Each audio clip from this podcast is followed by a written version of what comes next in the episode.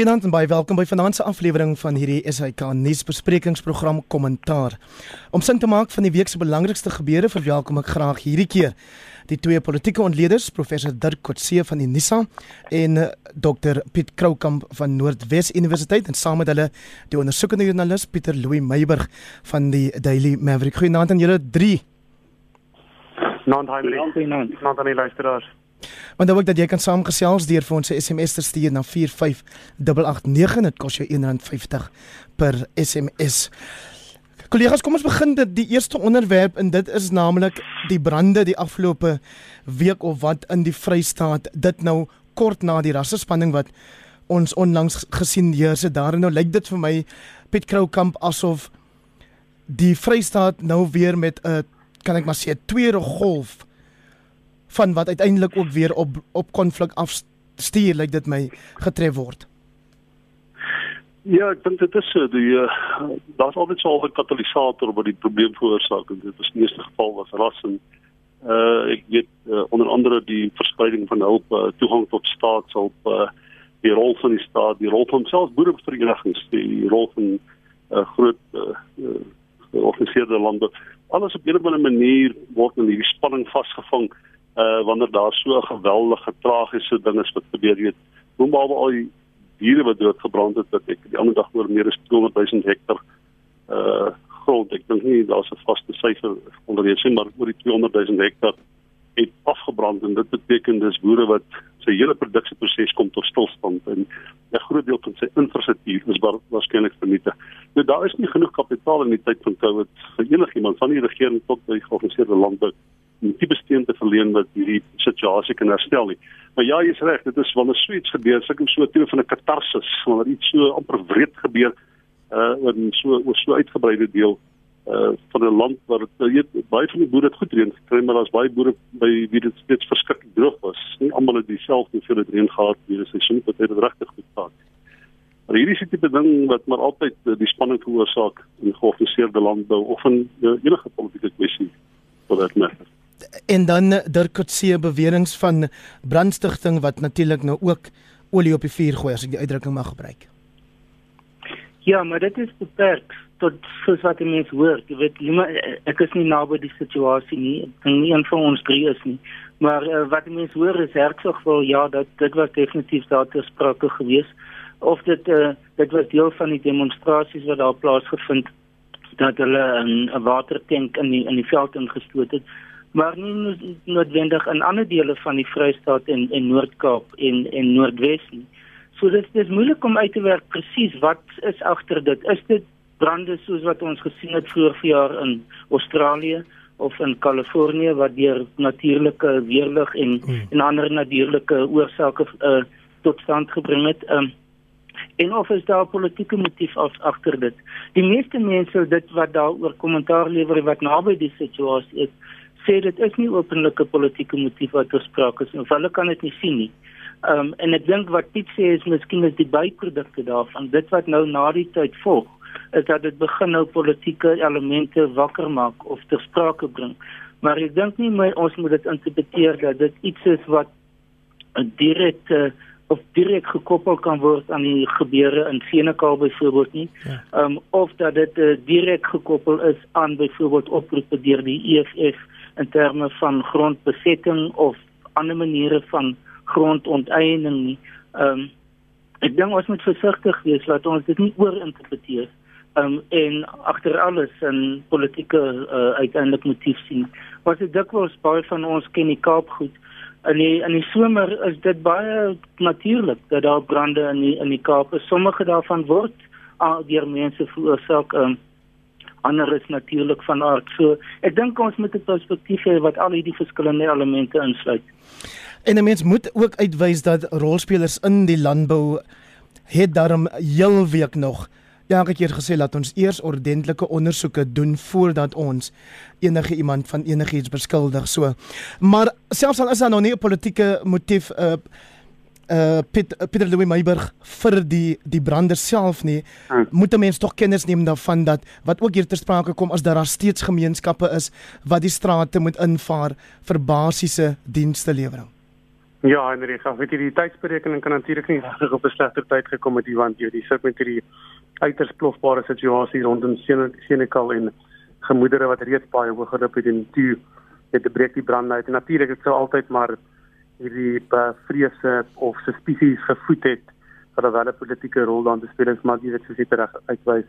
En soos wat die georganiseerde landbou op die grond ook daar uitwys, jy moet ons baie versigtig wees om al afleiding te maak wat nie gesubsidieer kan word en B um help dat fop nie versprei. Um nou sou daar 'n berig vandag in 'n rapport wat aandui dat die van die hulplening aan van die boere is eintlik maar gestaak op 'n kort week omdat hulle uh, bang was om hulle trokke daarin te stuur en dit was juist omdat daar fop nie rondgestuur is dat van die betogers uh, trokke van hulpverleningsorganisasies teiken wat absoluut nie die geval was nie. Maar jy weet uh, kortlik ja, en ek absoluut jy weet dit wil voorkom het minstens as ons onthou is nou verskeie brande waarvan ons hier praat. Daar's 'n hele paar uitgebreek in die Wes-Vrystaat, daar's 'n paar in Noordwes en natuurlik ook in die Noord-Kaap. En minstens die een in hierdie stadium, ehm um, lyk dit met die een rondom Hertogville kan toegeskryf word aan protesaksies waar betogers doelbewus 'n trok aan die brand gesteek het of 'n Jojo tank dan in in 'n veld ingerol het. En uh, dit het natuurlik nou ehm um, daardie protesaksie het hoegenaamd niks uit te maak met wat aan die ander kant van die provinsie in Senekal aangaan nie spanning en gemoedere rondom die EFF en die ehm um, die die landbougemeenskap daar nie. Jy weet dit gaan oor eng dienslewerings ehm um, vrese of dienslewerings ehm um, concerns wat natuurlik gelig is en weet keer op keer, jy weet of dit nou daartoe lei dat daar baie versper word en afgesper word in Johannesburg en of dit lei tot met brande in in die, die Vrystaat, Suid-Afrika en jy weet 'n gebrek aan behoorlike dienslewering lei kort kort gereeld te gereeld tot situasies waar dit grootskaalse skade um, aangerig word. Dit zijn ons stedelike gebiede of in, in landelike areas en dit dit moet altyd maar teruggeneem word na eintlik maar legitieme woede is oor dienslewering wat nie op voedselvlak deurkom vir baie arm gemeenskappe in Suid-Afrika nie. Piet, ek wonder of jy net iets wil sê iets meer uh, oor 'n kwessie waaraan Dirk op 'n manier geraak het nie, naamlik die veranderinge in die natuur. Uh, uh, moet ons met hierdie brande ook kyk na die verskynsel van klimaatsverandering of is dit nie eintlik iets waaroor mense tans dink nie? Kyk ek is ek is nie klimatoloog of enigiets van daai goed is vir my spekulasie moet jy nou reserveer en nie moeilikheid later nie. Maar uh, ek ek dink die heel belangrikste ding voor ek by daaroor kan uitlaat is sê dit onthou dis nou die dis net kort voor die reenseisoen. Die veld is nou op hulle droogste uh die waarskynlikheid van jy kan baie keer kry jy nou weerlig byvoorbeeld sonder daar enkel uh, enkel reën bygeval het. So daar's dit is alles deel van baie natuurlike prosesse. Ons verwag eintlik hierdie deel van die jaar dat daar sal bande wees. Jy sien dat dat die anders die kyk in die, die weervoorspelling dat sê hulle ook as gevaar bande in bepaalde areas en nou was ons te hittegolf gehad. Ek dink dat nog die waarskynlikheid verder verhoog het. So dat jy moet maar staan as jy op dit nou uiteindelik met klimaatsverandering teruggelyk kan word. Ons so ek moet daar geneer dis nou warmer as ooit en die risiko's is al hoër en daar's waarskynlik meer uh, van die van die funksies binne die netjies ek ek weet nie ek sou ek is bang die stempel of die non-stempel of is my kwaad en uh, as dit as dit ding is is van 'n verskil maar ek dink ek dink die mense moet die natuurlike omstandighede wat hom leen daartoe dat hierdie tipe van brande kan ontstaan met die mense in ag neem en as jy dan nou intelligent genoeg is om intelligenter as ek is en dit pas terug ekstrapoleer na maatschappij toe be my guest. Uh, ek uh, I don't read that far. Dit is stem van Dr Piet Kroukamp, politieke wetenskaplike verbonde aan Noordwes Universiteit saam met hom vanaand hier op kommentaar is professor Dirk Kotse van Unisa en dan ook die ondersoekende joernalis Pieter Pieter Louis Meiburg van die Daily Maverick wat sommer ons tweede onderwerp asseblief moet in lei ek uh, titel wat die geskryf staat van korrupsie Pieter Louis.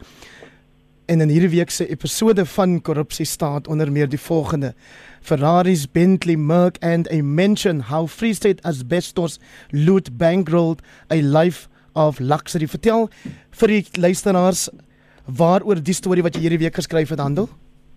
Ja, dit gaan geweet, dis eintlik maar net 'n sarsie, 'n volgende sarsie beriggewing oor hierdie nou reeds met baie omstrede asbesskandaal sake daar in die Vrystaat so hier rondom 2014, 2015 die Vrystaatse departement van behuising 'n uh, allemintige 230 miljoen rand kontrak toegeken aan 'n maatskappy wat eintlik maar niks meer gedoen het as om 'n paar dakke te gaan tel in die provinsie.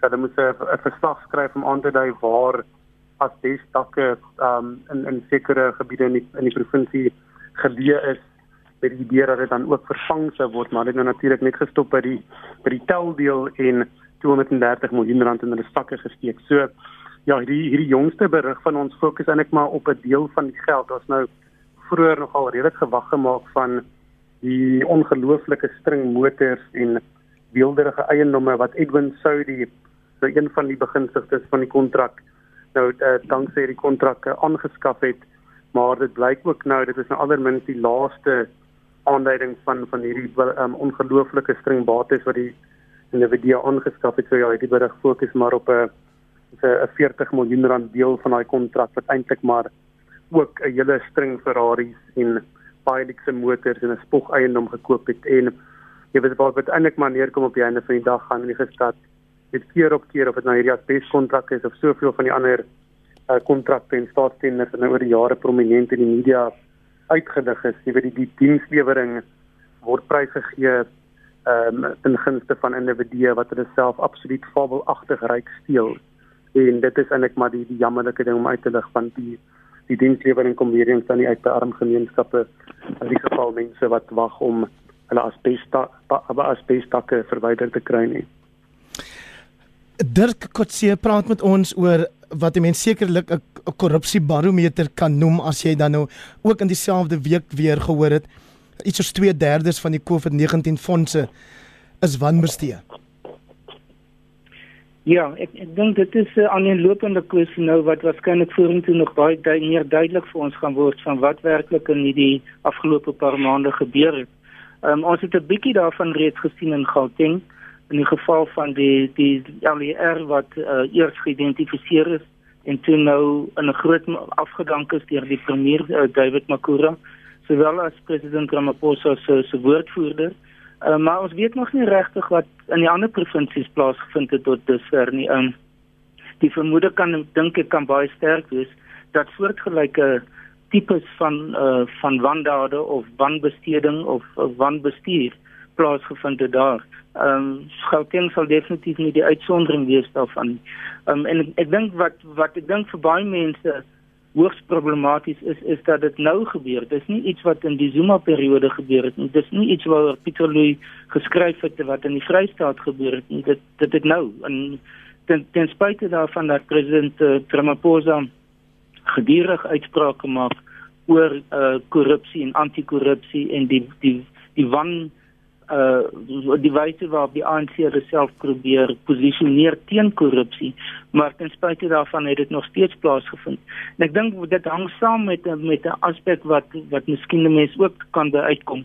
En dit is hoe hoe die ANC in, in binne in die ANC daar nou 'n terugtrekproses besig is om plaas te vind. Mense sien dit op 'n individuele basis in die sin van waar veral in KwaZulu-Natal nou ehm um, Mark Mabuya Kula uh wat die adjunkvoorsitter van die provinsie is dat hy terug is in sy pos dat Zandile Komedi wat die vorige burgemeester van die groter Durban eThekwini is dat sy waarskynlik weer terug gaan na 'n pos wat sy in aangestel is in die provinsiale wetgewer uh, dat Bongani Bongo wat uh, die voorsitter van die portefeulje komitee van uh binlandse sake is dat hy weier om uh, terug te staan en weer terug is in die in die parlement en dan dat Suprema Mopelo se ondersteuners in die Noordwes op verskillende maniere besig is om te probeer om eintlik die ANC te saboteer um, in die provinsie in in die aanloop na die uh, plaaslike verkiesing later.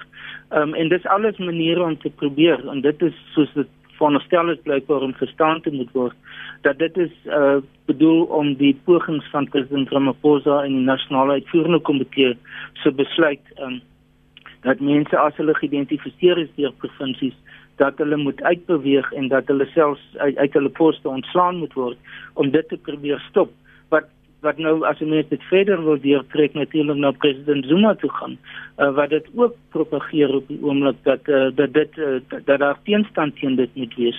Ehm um, so dit alles is besig om die kwessie rondom tot watter mate die nasionale uitvoerende komitee hulle besluit kan implementeer. Ehm um, dat daar vra is, hoewel ek persoonlik dink dat ons nie by die punt is waar daar 'n kentering plaasgevind het nou weer na die ander kant toe nie. Ek dink die die Ramaphosa kant is nog aan 'n baie sterk posisie. Ehm um, en so vir al die die dit, dit wat die Zondo-kommissie doen, uh die wyse waarop mense nou daar verskyn en die druk wat die voorsitter regter Zondo op hulle plaas. Ek uh, dink en natuurlik dan op president Zuma wat nou vir ons is om 'n bietjie later te kom. Dit alles is daarop ingestel om daardie begrip op die uh, die mense wat beskou word as um, of verdink of aangekla word van korrupsie om daardie begrip te kan behou. So ons is op 'n baie kritieke stadium dink ek en daardie uh proses wat besig is om te ontplooi.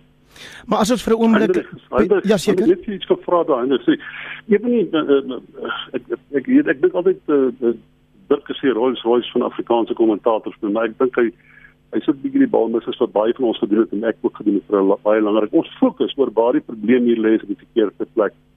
Uh ek het toevallig dinge gespreek in vrye weekblad oor die audit uh, regime in Suid-Afrika, die audit stelsel in die private sektor en binne in die staat en Dit was 'n aanleiding van 'n vergadering wat die by die Noordwes Universiteit se besigheidsskool Jan van Homburg hulle gehou het. En daar binne was daar nou uh, Washington Cooley het onder andere daar gepraat, hy is die voorsitter van van van van KPMG en uh, daar het baie by dit geword in die ryk van die kerk was ook op die program. Baie duidelik geword dat die werklike probleem lê by ouditstelsel. Die vraag is, staan die til in Suid-Afrika oop? Hoekom is dit moontlik vir mense om geld te kry en 'n groot kar te gaan koop en daar konsekwensies nie? Hoekom is daar hierdie geil misbruik van kapitaal so half in jou gesig asof dit dat geen konsekwensies sal gaan wees? En ek dink mense moet eerder as om te gaan kyk na na, die polisie en die NPA en die valke met die mense kyk wat word van audit, die auditstelsel in die staat. Byvoorbeeld as daar geld van bestuur word in 'n munisipaliteit, dan die persoon wat jy moet moet aanspreek is die stadsbestuurder. Maar wat van die accountant? Wat van die interne ouditeur? As ek dit reg verstaan met 'n interne ouditeur kan sê sorry, ons kan hierdie hierdie geld nie so aanwend nie. Ons soek die volgende handtekening. Nou, ons moet by tesorie toestemming kry en niemand kan hom oorrol want dit is sy jurisdiksie, dit is sy autoriteit. Daai ding bestaan eenvoudig nie meer. Ek het met Denko hier van Denko se baas gepraat. Hulle hulle vertrou hulle self nie. Dit is so in so 'n mate dat die aankope is uitgekontrakteer. Dis geprivatiseer om seker te maak dat die ouditstelsel regloop. Nou ons probleem is ons gaan kyk, hoekom staan die til, die reken, die die kasregister in Suid-Afrika oop? Is dit gaan oor die verval van die ouditeurswese in Suid-Afrika. Uh KPMG se geskiedenis, die, die vir almal daarin te sien, Deloitte was betrokke by hierdie ding gewees. Die 96% van alle maatskappye op die Johannesburgse Stock Exchange word deur net vier groot maatskappye geaudit en die probleem met dit is, is dat daar's geen diversiteit nie, daar's geen mededinging nie, daar's geen oorsig nie Daar's geen kompetisie nie en dit is waar ons werklike probleem staan. As die kasregister toegemaak word en die polisieman daarbey is 'n behoorlike ouditeur wat nie hoef toe te gee aan die gesag van 'n politieke bestuurder nie, dan maak jy hierdie probleem reg. Maar ons kan mense in die tronk sit soveel as ons wil. Ons sit nou mense in die tronk. Daar is nou al seker amper 100 mense gereed in die tronk gesit. Nie die afgelope week het gesien hoe word daar weer gesteel en geplunder. Die kasregister staan oop en dit begin by die autoriteit, die gesag, die jurisdiksie van die auditeure van die staat, die auditeure in die private sektor. Maar intussen Pieter Louis sit ons steeds met die situasie waar dit uiteindelik maar die politici is wat meeste van die besluite neem en Bandile Masuku sê vir ons die afgelope week hy is nie tevrede tevrede daarmee dat hy nou sy pos verloor het nie want hy as LER is nie regstreeks by aankope betrokke nie. Ja. Wel, Heinrich, ek dink as dit sy verweer is, dan is hy minstens daarvan skuldig dat hy baie swak LER was, want jy weet 'n 'n politieke leier, politieke hoof van 'n departement of organisasie staan tog pa vir die grootste finansiële besluite in in daardie departement. Ek sê hom om nou afstand te doen daarvan dat hy nie noodwendig nou gaan afteken net op elke liewe gesigmasker of botteltjie handreiniger wat aangekoop is, dis maar 'n bietjie van 'n dun argument. En jy weet ek ek wil net terugkom by Piet uh, Kroukamp se kommentaar daai dit is, absoluut raak. Met hierdie departemente, jy weet die of dit nou met die jongste vlaag van COVID-19 korrupsie gaan of ons kan teruggaan na uh, die die Gupta jare toe hulle baie goed deur met auditeure van van vername auditmaatskappye um afgeteken is op jy weet die PwC's in Deloitte, weet ons onthou die Steinhoff uh, PwC of Steinhoff Marcus Joseph skandaal kon nie gebeur het sonder dat 'n ouditeur van PwC, een van ons grootste, jy weet daai mm. sogenaamde top 4 ja. retailmaatskappye wat Piet genoem het, jy weet dat hulle daarvoor afgeteken het nie. So dit gaan keer op keer, jy weet gaan dit terugkom na die na die um, ons gaan ons gaan die radikale um, herbesinning moet hê van hoe die hele finansiële sektor inkoppel by die staatsdienssektor en hoe daai transaksies afgeteken word. Anders dan ons maar weer sien, jy weet die COVID-19 besteding sal weer gebeur, sal weer korrup wees en en, en in die toekoms ander maatskappye, ag ander vername staatskontrakte ook. So uh, absoluut tyd vir vir absolute radikale uh, omwentering in daardie bedryf. Maar jy weet net om net om vinnig terug te kom na Bandile Masuku, jy weet dit is 'n interessante um, interessante tydperk, tydvak in die, die ANC spesifiek wie dat die regerende party as 'n geskiedenis want hulle het nou hierdie amper 'n geskiedkundige oomblik gehad in 2017 met Nazareth toe hulle nou uh, besluit het jy weet amper as een man dat hulle gaan nou uiteindelik plan maak met korrupsie dat hulle gesien wat skade dit aan die party se reputasie doen nou hierdie resolusie aanvaar het dat diegene wat nou daarbey betrek word wat die die gering, geringste fluistering of 'n aanduiding of of um bewering van korrupsie moet dan natuurlik nou voor die integriteitskommissie dien en tydelik geskort word en so. En die die terugvregpoging in die ANC en jy weet diegene wat betrek word by die skandale is absoluut fenomenaal op die oomblik. Jy weet die feit dat jy daai string individue wat Dirk ook vroeër genoem het en Pieter ook 'n paar genoem, jy weet waar jy dan aan die een kant vir die een week lees ons van hulle self uit hulle pas uh, poste geskort op minstens tydelik en dan spring hulle maar weer terug. Dit wys net hmm. jy weet hierdie voor voortsleepende eh, konflik uh, tussen die twee hoofgroeperinge is aldermins verby jy weet in die battle line is absoluut geteken op hierdie hierdie kwessie van hoe uh, korrupsie intern hanteer moet word so het iemand sê Pandili Masuku terwyl hierdie onklaarheid amper jy weet in die party heers oor wat ons nou regtig met top amptenare doen wat by korrupte of korrupsie skandale betrek word dit sal sal, sal nooit uit eie houtjie op hulle eie swaard val sodat daar absolute sekerheid is in terme van hoe die ANC intern intern met korrupsie gaan deel nie. Eh, dit kon sê iets oor die stelling wat adjunkt minister Didi Mabuza aan die parlement gemaak het hierdie week en en en wat die dieper betekenis eintlik daarin is as hy dalk tong in die kies sê ons is aan die slaap gevang wat hierdie korrupsie aanbetref. Ja, ek het geluister toe hy nou uh, antwoorde gegee het in die parlement en uh, dit dit was 'n baie snaakse amper 'n surrealistiese situasie geweest want daar het iemand oor hierdie aspekte gepraat terwyl hy self oor 'n baie lang periode ook ja. na verwys is ja, as 'n as 'n sleutelfiguur in baie aspekte, miskien nou nie in die vorm van uh, president Zuma of die en die, en die Gupta's nie, maar terwyl hy die premier van um, Mpumalanga was, was daar is, is dit een van die provinsies waar korrupsie 'n uiters groot probleem op sigself is. So dit dit was 'n snaaks om te luister en ek dink wat vir my baie opvallend was is dat ons weet waar David Didi Mabuza vandaan kom en die rol wat hy gespeel het in 2017 en hoe hy op die laaste oomblik uh, president Ramaphosa ondersteun het.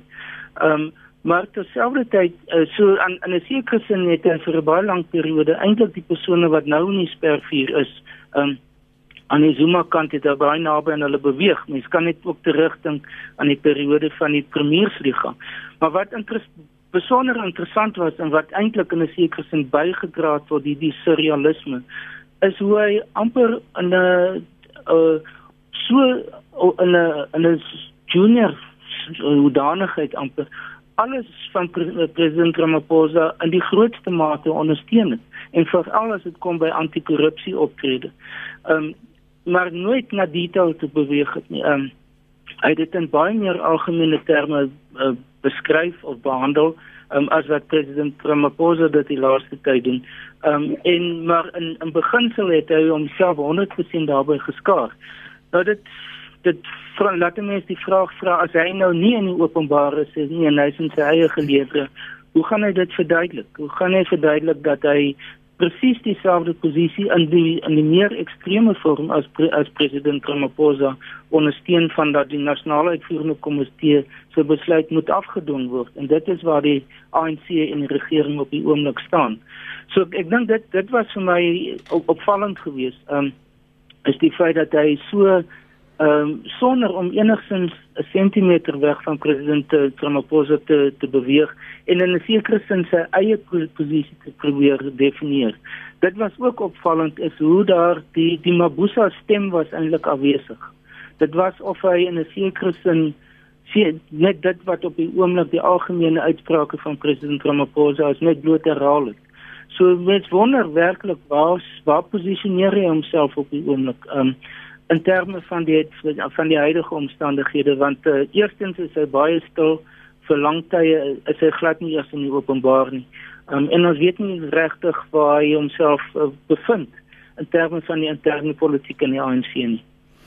Peter, kan jy 'n kans gee om uh, 'n laaste woord te spreek oor wie jy reken die morele grond as mens dit so in Afrikaans mag sê in die ANC beset maar laat ek jou net gewys op twee SMS se. Eerste die een sê uh, mevrou Kamp is moeilik om te hoor hy moet stadiger praat. Die ander een sê naam Dr Piet ek wou lankal vir jou gesê het jou stem is gorgeous. Wel, ek ek net daai persoon sê dis die allerlaaste aand wat ek op radio is my hele akademiese loopbaan. Ek maar klaar klaar van ons sit. Sy moet dit geniet of hy. Ek is ek sê nie hy moet dit geniet. Ehm um, luister ja, uh, ek dink dit as ons die laaste woord moet uh, bespreek oor hierdie morele hooggrond die uh, op die kerk. Dink die een ding wat en ek dit by by by uh, Dirk kan aansluit wat vra vra oor Mabuza dis dit word nou uitgevra oor David Mabuza se strategie uh en ook die feit dat hy baie naby aan die president beweeg en as dit ware dieselfde morele hoëgrond probeer okkupeer as ek nou by 'n vraag kan uitkom maar dit is ek dink dat mense aanvaar dat sonder Ramaphosa okkupeer die morele hoëgrond en die vraag is wie wat hom ondersteun wat is hulle motiewe en wie wat uh wegbly van hom af uh watter mate is dit die volgende is wat deur die NPA gebel gaan word ek dink David Mabuza en iemand anders as ander akademikus moet daar gespekuleer daar's nie twee kandidaate op hierdie stadium wat uh, die moontlikheid staan om die volgende president te word en daar is 'n gevoel wat rondgaan rondgaan dat Ramaphosa gaan net in termyn staan. Hy's afgemat moeg vir die sap. Dat hy net gaan staan en David Mabuza en Paul Masipila is enigste twee karakters wat dit moontlik kan doen. En ek dink David Mabuza as jy nou reg lees, hy probeer altyd sy seil so na die wind swaai dat hy na by die volgende heerser is. En ek dink tog, hy dink dat hy swaal in die in die in die, in die net so agter van Maposa kan opreis en bly funksioneer die volgende 2 jaar uh, moet hy 'n redelike goeie kans hê om die noodwendige volgende opvolger te wees. En ons is aan op Mamini Zuma uit so 'n paar maande terug het sy so ontstel en hartseer geraak in die kabinetsvergadering omdat sy die al die blame moet vat vir die rokery en die ja. moeilikheid met die COVID dat sy aangebied het om bedank aan die president het dit teruggetrek maar daarna het dit ook duidelik geword dat sy van haar politieke momente in die kabinet verloor en baie moeite met haar kollegas ondersteun So daar is uh, die haar haar volgende aanspraak in die presidentskap wat ons aanvaar is by twee drie jaar gelede terug dat die ANC vaag is of dat dit vir David Mabuza gesê dat as daar 'n uh, as daar 'n pause met iets oorkom sal hulle terug in nasionale vergadering toe en omdat sy gestaan het vir die volgende uh as as president teen hom sal sy die volgende president in die nasionale vergadering aangewys word en hy sal die deputy president bly. Intussen na daai onlangse vergadering van enkele maande gelede dink ek die wind geswaai en ja, dit is nou redelik seker dat uh, die van Zuma dink nie meer dat self is vir die hele materiaal. So David Mabuza het reinvigoreer dat hy sal in baie naby aan die rokspante van die president wees so lank as moontlik en uh, probeer om op daai stoom, op daai momentum uh weer te gaan na die volgende binne die volgende leierskap van Verenigde. Maar as jy vra oor wie op die morele hooggrond in Suid-Afrika uh, ek dink daar's niemand op die stadium wat 'n uh, uitdager is vir die president. Pieter Louw, ons het nou al vir politieke kommentators op hierdie program gevra oor die voorstel die ander dag van advokaat Tuli Madonsela dat daar 'n sogenaamde veilige ruimte vir mense geskep moet word om na uit eie wil na vore te kom en te praat oor hulle korrupsie of betrokkeheid by korrupsie. Laat ons hoor wat is die ondersoekende joernalis se mening daaroor? Ja. Ag Hendrik, ek ek dink in kort daar word 'n baie goeie argument daarvoor uitgemaak dat dit net weer 'n baie sterk sein sal uitstuur dat Suid-Afrika 'n land is wat 'n land is wat korrupsie aanmoedig. Want hier is baie baie jare was daar gebrek aan doeltreffende vervolging van korrupsie en dit het absolute klimaat en 'n geleentheid geskep vir die staatskapers om behoorlik weer daai kloue in die kasregister te kry. So dit ek ek sou dink weet met die momentum en die impetus wat die NVG nou het in die valke lyk my begin regtig op 'n groot mate te wakker skrik as nou die string arrestasies um, aanskou. Ek ek dink die tydsberekening berekening daarvoor is regtig nie goed nie. Jy weet as dit miskien 2 jaar gelede, jy weet hier toe die staatskaping en die verlamming van die NVG en die in so 'n hoogtyd gevier het, as daai argument toegevoer is, sou ek dalk gesê ja, miskien is hierdie geleentheid vir mense om na vore te kom om om waardevolle inligting te deel dat ons minstens dalk op die pad kan kry om van die geld terug te win in in siviele dinge en so, maar weet ek ek dink nie nou meer nie, want die momentum is nou met die valk in die NVG. Hulle is uiteindelik besig om mense te arresteer vir korrupsie. Ek sou sê dit is nou absoluut, jy weet, dit is 'n dis 'n belaglike voorstel om nou daai staatskapers se kans te gun om eintlik weg te kom met wat absolute jy weet bedrog en korrupsie was uiteindelik kan dit as mens in ag neem die skade wat gepleeg is aan aan hoogverraad grens. Pieter Louw Meiburg is 'n ondersoekende joernalis en hy's vanaand deel van die paneel hier op kommentaar saam met Dr Piet Kroukamp en professor Dirk Kotse van Unisa. Dirk, ek wil hê jy moet ons Nigerië toe vat asseblief en verduidelik wat het die afgelope week daar gebeur toe 13 mense doodgeskiet is um, nadat hulle protes aangeteken het juis teen polisie brutaliteit. Ja, hierdie is 'n beweging wat eintlik in reeds in 2017 begin het, uh, maar toe op Twitter. Uh, die beweging is so saaklik wel is gemik teen teen 'n instelling wat in SARS, die Special Anti-Robbery uh, uh, squad squad en en wat deel is van die Nigeriese polisie. Um, en hulle is 'n soort van 'n spesiale eenheid wat al klomp jare bestaan um, en wat eintlik veronderstel is om die, die meer ernstige misdade te te aan te spreek soos byvoorbeeld gewa eh, gewapende misdaad um, en dwelmmisdaad um, en dan ook korrupsie en ander aspekte daarvan maar veral die meer gewelddadige uh, intense tipe van misdaad waarvoor hulle veronderstel was om om teen op te tree wat blykbaar in die afgelope hele paar wel voor 2017 reeds begin het is dat hulle in in stede soos Lagos en Abuja en ander ehm um, padblokkades hou en dan veral fokus op jong mense. Uh, mense wat nou 'n nuwe motor kry en dan probeer hulle hulle uh uh dwing om vir hulle geld te gee in die vorm van uh, korrupsie of ander as uh, ander forme daarvan. Ehm um, en as as dit nie doen nie dan is daar gewoonlik insidente en soms word van die mense self uiteindelik geskiet. Ehm um, en dit is wat ons nou weer uh, sedert uh, begin Oktober nou gesien het. Ehm um, op die 3de en weer op die 5de waar daar persone in in Nigerië, jong mense wat by hotels gesit het en dit waar die polisie gekom het hierdie eenhede en waar daar insident was en hulle geskiet het. Een daarvan is 'n bekende musikant in in Nigerië en as gevolg daarvan het daar nou hierdie opwelling plaasgevind wat nou besig is om aan groot dele van die wêreld ehm um, die ondersteuning te kry van van Nigeriërs wat daar is in die ehm um, wat daar woon sowel as van die plaaslike bevolking en dit sluit nou die demonstrasie in wat vir hierdie week ehm um, hier in Pretoria plaasgevind het. Ek dink daar was 'n demonstrasie in Kaapstad ook, ja. maar daar was in baie ander lande in in Kanada en Ierland en die VSA Ehm um, en daar was ook uitsprake, selfs die uh, uitspraak van ehm um, die Secretary of State, die minister van buitelandse sake, Mark Pompeo wat homself uitgespreek het daarteen. Ehm um, die Statebond het homself daarteen uitgespreek en verskeie ander lande. So daar's 'n baie groot druk nou op Nigerië um, om ehm um, vir die hervorming van van polisie en om polisiegeweld in Nigerië te probeer aanspreek. Um, mens kan dink dat dit amper aansluit die aspekte van die uh, die Black Lives Matter en die FSA. Dit sluit aan by aspekte soos byvoorbeeld in Filippyne waar uh, president Duterte dit nou op 'n amptelike basis ook mense veral teen dwelmhandelaars uh, gemik en wat hulle omtrent reggestel word daar. Um, en en ander aspekte. So dit het die, die fokus is baie op polisie geweld aangestel. Wat eintlik interessant is in terme van die Nigeriese omstandighede wat gewoonlik is die fokus op die op die weermag en op militêre optrede in Nigerië. Ja. Maar in hierdie geval is nou spesifiek op die polisie.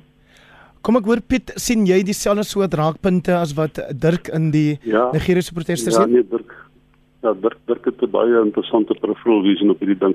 Die ander ding wat wat ek dink wat gebeur is en dis 'n ding wat hier ons gewaarsku dat dit moontlik in Suid-Afrika gebeur. Onthou ons is nou kort na die lockdowns in die COVID area gewees. Normaalweg kry eenhede soos hierdie polisie eenheid in in Nigerië kry uh, addisionele magte om nog meer repressief te wees en daar's bepaalde motiverings vir hoekom hulle meer repressief moet wees en dit word die ander uh, coercive forces soos in Engels sê word ook uh, bepaalde jurisdiksies gegee om nog meer drakonies op te tree. En in dieselfde proses sit die mense natuurlik hierdie geduldige uh uh niemand maar die COVID, die onsigbare ding wat deur die samelewing vloei wat hulle nog verder inter. So daai is daar's 'n tipe van 'n repressiewe siege wat vaardig word in die samelewing. En as jy bo op dit sit, nee, daar's motiveer, daar's goeie redes daarvoor. Ons wil ons bang vir die virus. Maar as jy bo op dit sit 'n repressiewe staat, dan op 'n stadium dan soek daai ding soek 'n uitlaatput. Dis 'n drukkoke situasie wat ontstaan. En uh, ons in Suid-Afrika is eintlik verbaas dat ons nie dieselfde tipe verskynsels het, dieselfde tipe van mense wat in die strate hardloop en spesifiek die staat te teken uh uh in in in in, in hulle wrevel en in frustrasie. Ja, ons gaan dit waarskynlik sien oor 3 of 4 jaar gaan hierdie die misdaad statistiek kyk en jy gaan sien maar daar was die uitlaatput. Uh, ons gaan 'n geweldige spike in misdaad hê in Nigeria het dit 'n politieke moment, 'n politieke verskynsel geword, maar ek dink COVID en daai verhouding tussen die staat en die samelewing onder repressiewe tipe van toestande as 'n tipiese valgesig akademikus is, sal jy nou daar ook 'n antwoord gaan soek wat gebeur in Nigeria. Daar was ook in Angola Pieter Louw uh, proteste hierdie week teen die plaaslike regering, maar ek wil hê jy moet bietjie huis toe kom en hmm. uh, vir ons sê of ons net uiteindelik tog maar dieselfde soort opstande sien al is dit dalk op 'n kleiner skaal spesifiek ook wat proteste teen plaasaanvalle betref nie. Is dit nie ook 'n manier van teen die staat um, stelling inneem nie? Ja, nee, nee absoluut dan ek ek dink die verset en protesaksie kom op vele vlakke na vore in Suid-Afrika. Jy weet ons het die natuurlik die die Senekal kwessie het nou daai kwessie spesifiek op die spits gedryf jy weet die, die kwessie van landelike veiligheid en so aan. Maar ons het 'n baie lang geskiedenis van gemeenskappe wat soms baie gewelddadig, jy weet, opruk teen spesifiek polisie geweld. So jy weet wat nou in Nigerië gebeur en ons kan miskien dalk ook die jy weet die Black Lives Matter ehm um, jy weet vlak van protesaksies daar in die FSA ook as 'n gevalle studie gebruik om te wys dat die die kwessie van polisie wreedaardigheid en polisie korrupsie en ek maar jy weet die die uh, polisie se uh, dikwels jy weet habit of falling back into the, the violent extra extra judicial jy weet moord op mense is 'n baie gevoelige kwessie vir 'n gemeenskap. Ek ek dink soms en ek dink baie Suid-Afrikaners wonder dalk hoekom iets so jy weet korrupsie dalk of selfs ehm um, dit service delivery proteste nie nie so hard gedryf word nie, maar ons moet onthou dat 'n polisie uh, wat weet aardig in 'n gemeenskap optree is iets wat baie nou deur die gemeenskap gevoel word. Jy weet ek dink Suid-Afrika ons kan teruggaan na die Nathaniel Julius geval ons dan Eldorado Park waar die SAPS 'n jong seun doodgeskiet het. Jy weet Collins Koza en Alexandra vroeër vanjaar nog tydens die lockdown. En dan natuurlik het ons hierdie absolute klaaglike geskiedenis daarvan van Marikana tot um Moses Tatani en 'n hele ja. reeks ander gevalle waar die polisie wreedaardig opgetree het teen Suid-Afrikaners. En wat die geskiedenis vir ons wys, jy weet en en wat ander gevalle studies um elders in die vasteland en in die wêreldwys is, is dat dit 'n kwessie is wat blitsvinnig in 'n absolute, jy weet, vryheidsvat kan verander. Um en en dan na na wydskaal se, jy weet, langdurige um, opstande kan lei. Ja, juist omdat dit so, jy weet, direk gevoel word deur 'n gemeenskap waar familielede familie en vriende en so uiteraard vermoor word deur die polisie. Suid-Afrika se polisie het absoluut rede om wakker te slaap in terme van hulle um, vermoë om uh, op te tree teen protesaksies sonder dat hulle daarvan hulle daan skuldig maak om om um weet uh, uh, protesteerders uit te moer en ons het baie lank jy weet uh, die instituut vir sekuriteitsstudies byvoorbeeld vra baie lank dat ons dramatiese hervormings in die polisie diens moet kry sodat ons weer baie spesialisteenhede uh, kan heroplei sodat hulle teen protesterende gemeenskappe kan optree en dit in bedwang bring sonder dat daar jy weet bloed op die grond is ja. op die einde van die dag. Pieter Louw, ons tyd is ongelukkig verstreke, maar ek wil vir jou en vir Dirk en vir Piet elkeen 10 sekondes gee om net te sê dit lyk my nie ons gaan dit maak nie. Ek moet dalk maar net baie dankie sê vir julle deelname van Pieter Louw Meyburg, Dr uh, Piet Kroukamp en professor Dirk Kotse. Ons maak binnekort weer so van my Hendrik Weingart baie dankie dat julle getrou inskakel en ek wens jou 'n wonderlike week toe.